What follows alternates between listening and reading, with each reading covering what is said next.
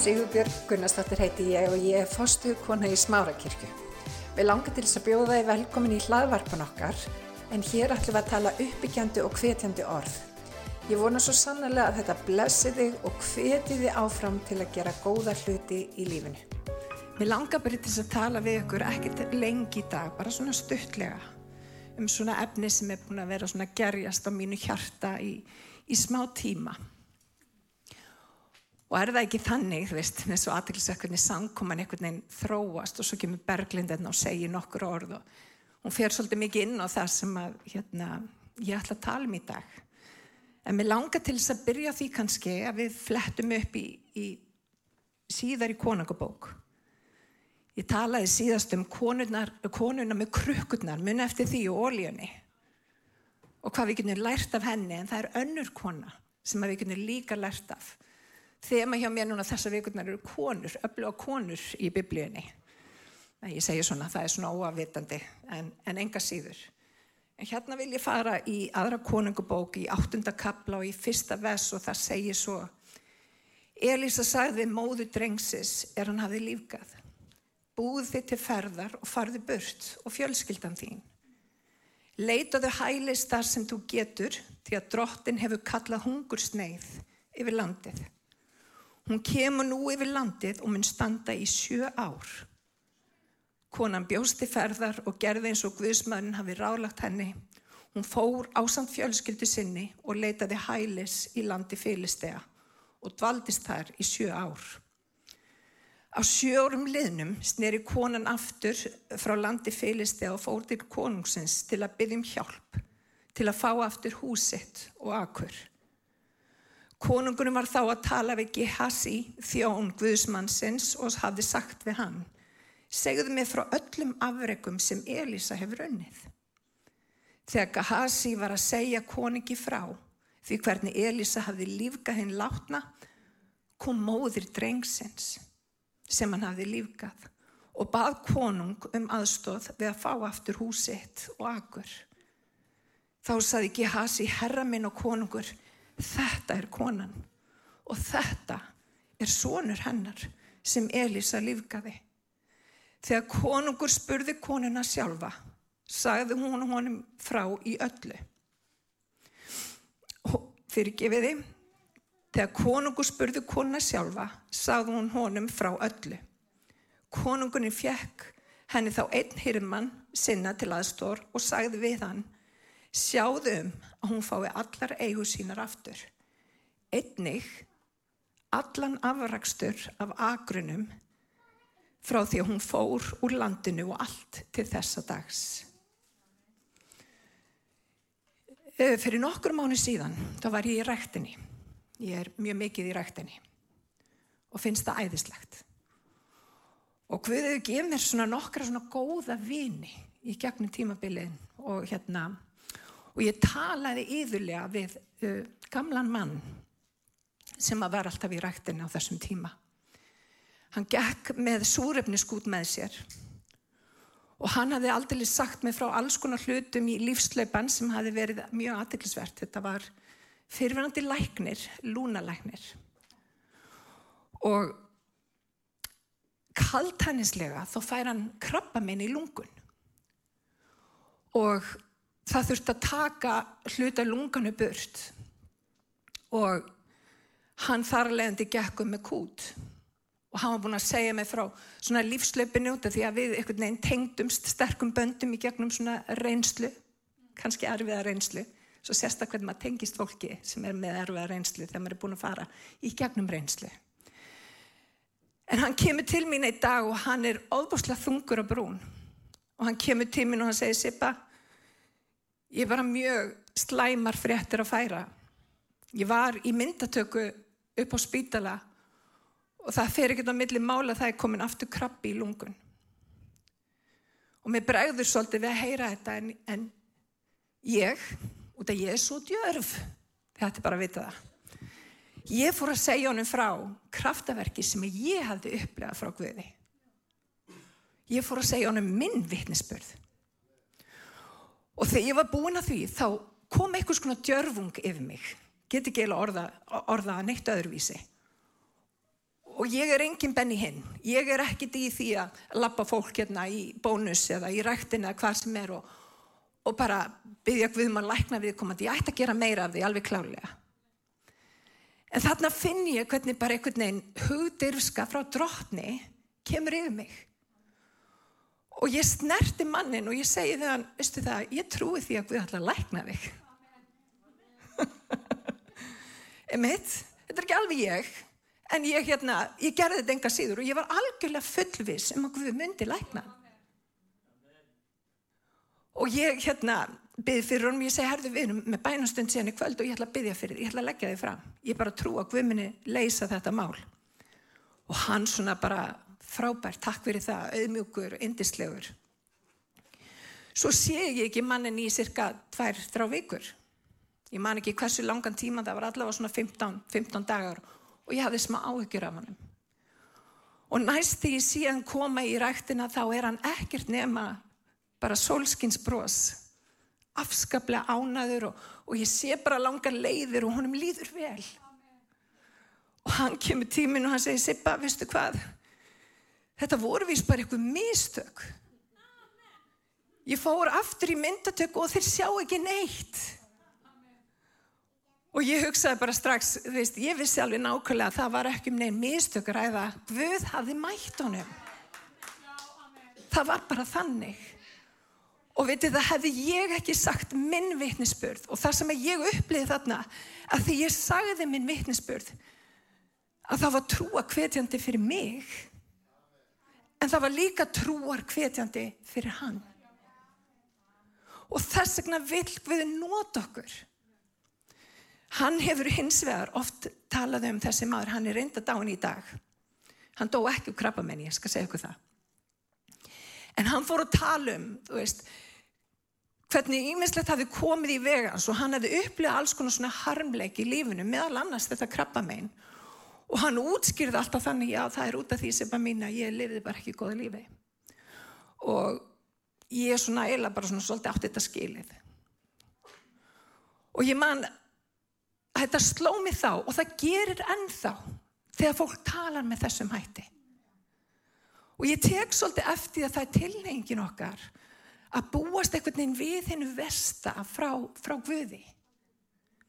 Veist, það er eitthvað saga, það er eitthvað sem er búið að gerast og, og í staðin fyrir að, að, að treysta lofurðum hans þá eru við alltaf einhvern veginn að býða eftir einhverju eldingu í, þið veitir, eldingu í lífið eins og hann sé bara rosalega pyrraði við okkur. Og veitir það, það er ekki bara þessi maður og ég hef oft sagt við hann, en Guð er ekki svona. Guð er kærleikur. Guð kærleikur og hann er miskunnsamur og hann er náðaríkur og hann elskar þig. Og ég man hann átti erfitt með að, með að upplifa þetta. En vinir, biblían kennir okkur. Og ég ætla bara að fara í nákvæmlega í versin. Biblían kennir okkur nefnilega að við höfum að koma með djörfung fram fyrir hásætti Guðs. Án meðvitundar um synd. Og mér langar til að fara með okkur einmitt í þann reytingastaf. Vegna þess að Jésús útelti blóði sínu með við nú sískin með djörfung ganga inn í þið heilaga. Þanga við hann okkur veginn, nýjan vegi lífsins í gegnum fortjaldi sem er líka með hans. Við höfum mikinn prest yfir húsi Guðs. Göngum því fram fyrir Guð með einlagum hjörtum í örugu trúa trausti. Með hjörtum sem hafa verið hreinsuð og eru, og eru laus við meðvittnundum synd. Og með líkumum sem er laugaðir hafa verið í hreinu vatni. Höldum fast við hjáttningu vora sem er von okkar án þess að kvika því að trúr er sá sem fyrirheiti hefur gefið. Má ég heyra henn?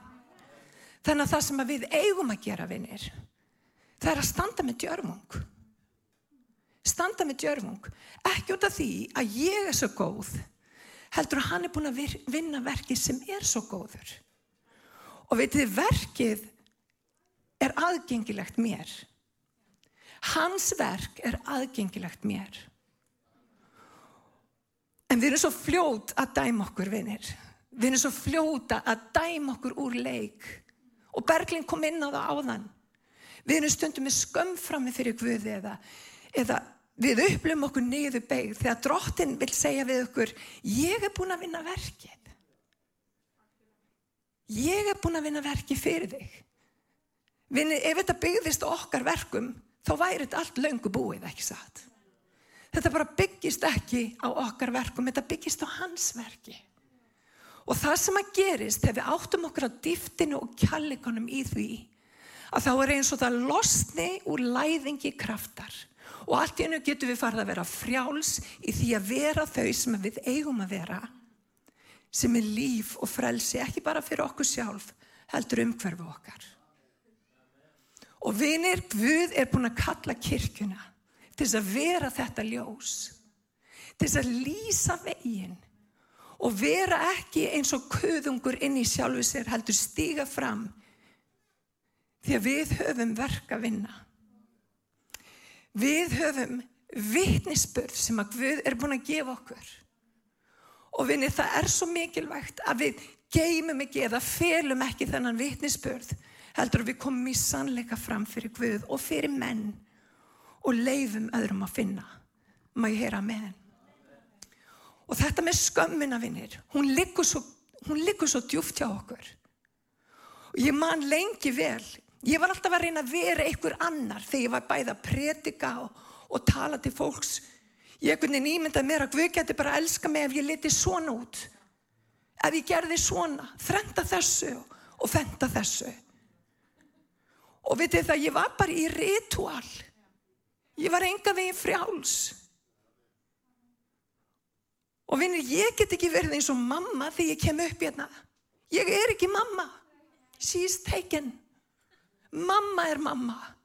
Ég get heldur ekki verið eins og Jóhann eða Berglind. Jóhann og Berglind er eins og þær. Ég á að vera ég. Og vitið það, minn vitninsbyrju skiptir máli fyrir mitt umhverfi. Og ef við gefum ekki af sjálfum okkur, ef við treystum ekki Guðum með þessum hætti, þá verður bæði kirkjan af, en líka þeir sem að Guð setur í okkar ring, þeir verða hreinlega af því sem að Guð vil gera í gegnum lífið. Muni eftir Tómas, hann þurft að snerta sáramerkin, Vitið að þú hefur líka sáramerki sem að fólk þarf að snerta. Það er einmitt í gegnum þinn vitnisbyrg sem að fólk oft upplifir gesku Guðs. Og þannig er það. Við erum stundum eina biblían sem fólk les. Og hvað les það þegar það skoðar líf okkar? Vinnir ég vona að það sá Jésu í mér. Ég vil að framar öllu öðru að fólk upplifi Jésu í mér. En til þess þarf ég að vera sönn. Til þess þarf ég að hætta að búast við hennu vesta. Til þess þarf ég að vera með hjáttningu mína alveg á hreinu. Hvað er það sem ég er að hjáta dagstælega? Eins og meðan að vinn minn hann nánast bjóst við því að það væri bara eðlilegt fyrir hann að líða ömurlega út sitt líf út af því hann hefði eitthvað gert af sér á yngri árum. Hvers konar líf er það? Það er nefnilega enginn fullkominn. Og vinir, hann hefur sagt við okkur, ég pýðir borð frammi fyrir fjandum þínum. Borðið er hér. Það er fullt af kræsingum. En þú þarfst að komast í gegnum óvinni þína.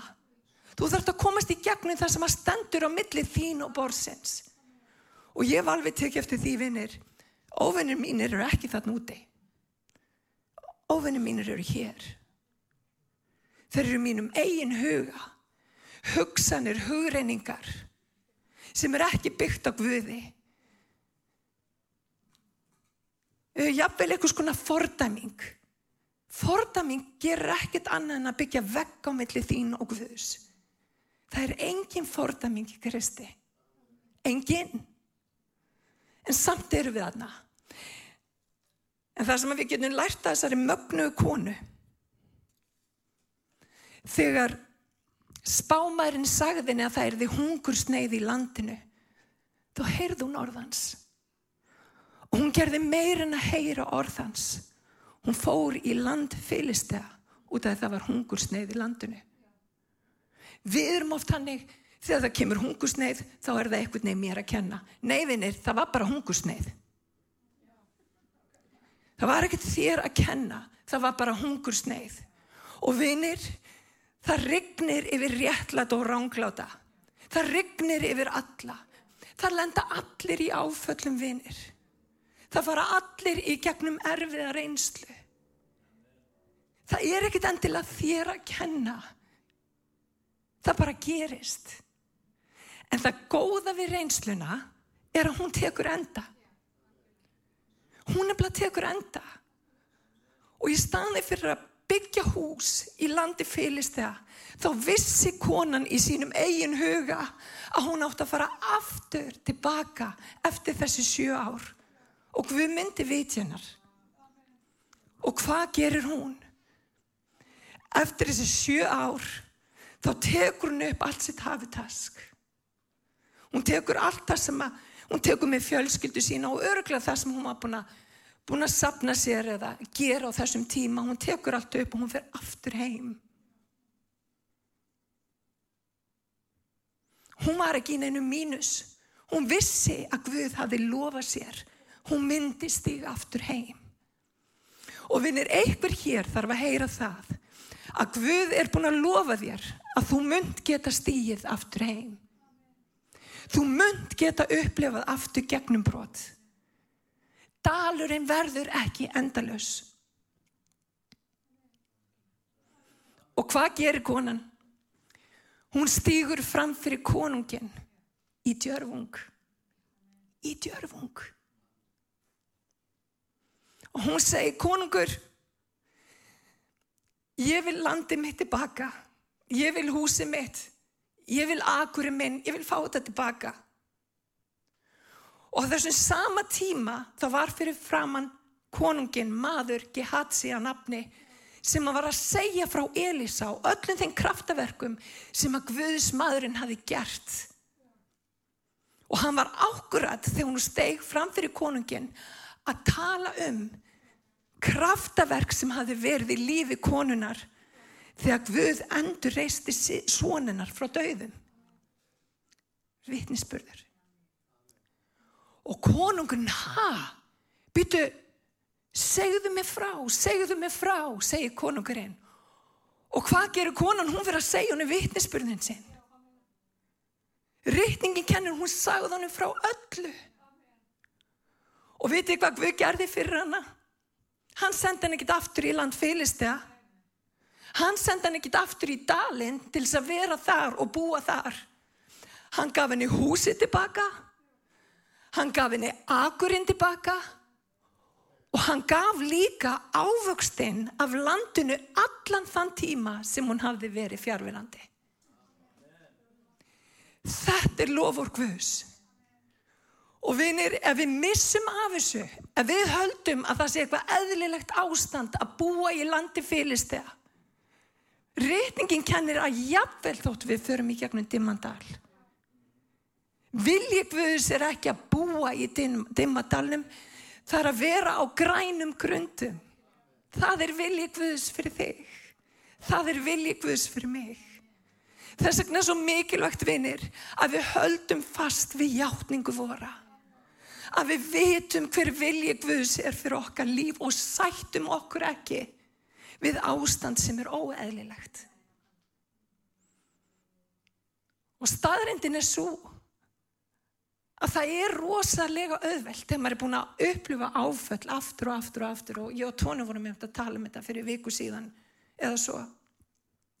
Þegar við erum búin að upplifa áföll þá höldum við að það ástand sé normal ástand. Við fyrum alltaf að býða eftir einhverju hræðilegu þegar við loksums eru komin á græna grundir. Er ég ein eða? Nei. Við fyrum alltaf að búast við einhverjum hörmungum. En það er ekki viljið Guðs fyrir okkur. Hann hefur lofað okkur því að eftir tímabilið þá komum við aftur og við fáum alltaf tilbaka sem að ofunum hefur tekið en þenn sam. Það er lofur Guðs. Þannig að látt ekki óvinnin ræna frá þér þeirri blessun sem að þú átt. Og það þú ert ekki bara sonur eða dóttir. Þú ert erfingi. Þú ert erfingi. Og við oft sættum okkur bara það, já ég er sonur og dóttir, þú ert meir en það. Mun eftir týndasonunum, þú ert erfingi. Alltaf besta frá föðu þínum, það tilir þér. Og vitið það, það er svo dásamlegt þegar maður áttar sig á því að, að, að kærleiku Guðs er svo víður, breyður, stór og mikill. Hann bindur um okkur og hann gerur okkur heil eftir dalinn en síðan reysir hann okkur við. Af hverju? Því að vittnisspururinn þarf að heyrast. Og mér finnst líka svo magnað, þetta gerist eftir að hún segir sinn vittnisspurð. Það stendur nefnilega í ofinbjörnabókinu það var sigrað fyrir blóðlamsins og fyrir ha, skipti vittnisspururinn máli. Ég ætla að segja þetta aftur. Þeir hafa sigrað fyrir blóð lamsins og fyrir, fyrir orð vittnisspurarins. Vittnisspurur þinn er eitthvað sem enginn getur frá þig tekið. Það er þín reynsla með Guði. Þín reynsla verður ekki frá þig tekin.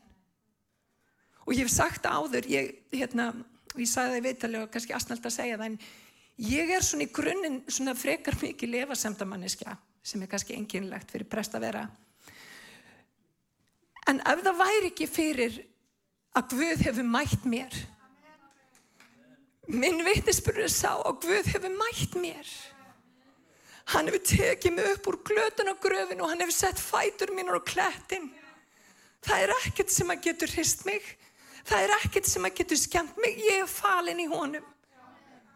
Og vinnir, þú ert falin í honum og kvöldu gistur og skrátir en það er alltaf gleði söngur á mótni.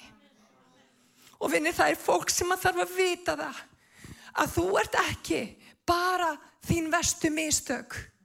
Þrátt fyrir mistök þá hefur við stórkoslega áætlun fyrir þitt líf.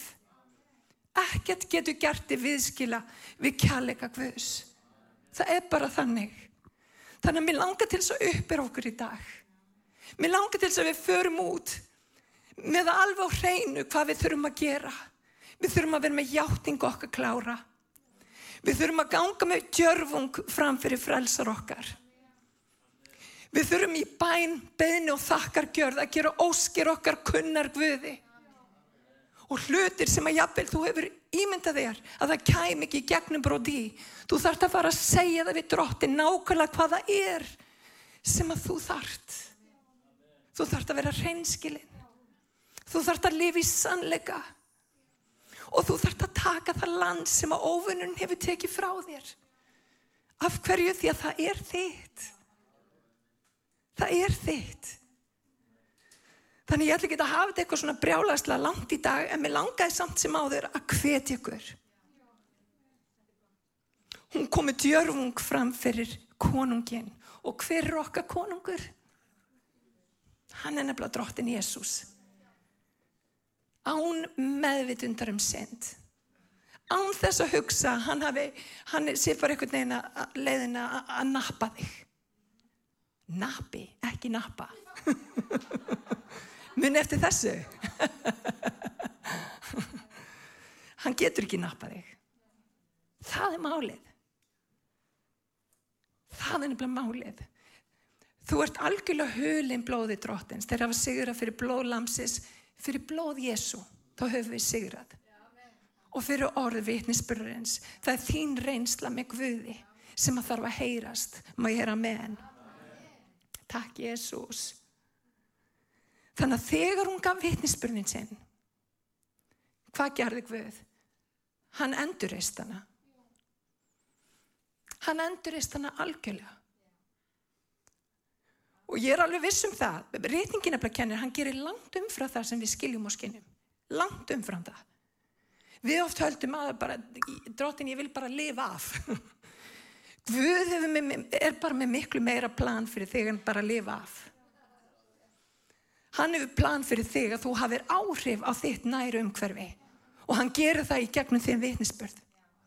Það er það sem hann gerir og hann er magnaður og hann kann þetta. Mín spurning er í dag, af hverju erum við hægt að segja sögun okkar? Áhver er það þannig að við drögum okkur í hlið og við skömmumst okkar fyrir einhverja hluti? Af hverju? Það er ofunurinn að reyna að stela frá þér þínum sigri. Við eigum ekki að skammast okkar. Það hvað Guð hefur gert fyrir mig og þig er stórkoslu hlutur. Ég veit að Guð hefur aftur og aftur komið inn í mína kringumstæður og gert stórkoslega hluti. Halleluja. Við þurfum að skipta út sögu óta og vantrúar. Og við þurfum að fara að játa fyrir fólki hvað Guð hefur gert. Og um leið og við gerum það, þá kemur gegnum brott. Ég hef séð að gerast og ég mun halda áfram að sjá það gerast. Mér langar til þess að byggja ykkur aðeins um að rýsa fætur. Og mér langar til þess að þið hafið eftir mér bara örstöðt.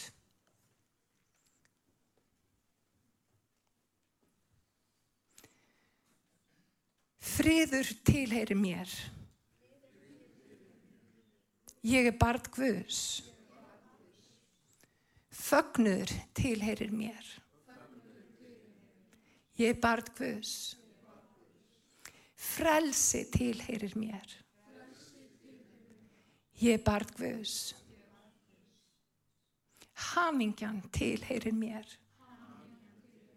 Ég er barð Guðs. Gleðin tilheyrir mér. Ég er barð Guðs. Ég er erfingi. Ég er barn. Ég er erfingi. Segið þannig að þið meina ég er erfingi. Ég er erfingi. Halleluja, drottin. Við bara komum fram fyrir þig. Við erum erfingjar. Og drottin minn, það sem að þú hefur gert er svo miklu, miklu meira heldur en allt sem að ég get útskýrt. Drottin, það sem að þú hefur gert í mínu lífi, það sem þú hefur gert í lífi barnana minna það sem þú er gert í lífi alla míns. Drótti minn er meira en ég get tjáð með fáum orðum. En ég ætla samt að segja frá. Af hverju? Út af því að þú ert gerðu dílugur þegar ég kem fram í djörfung.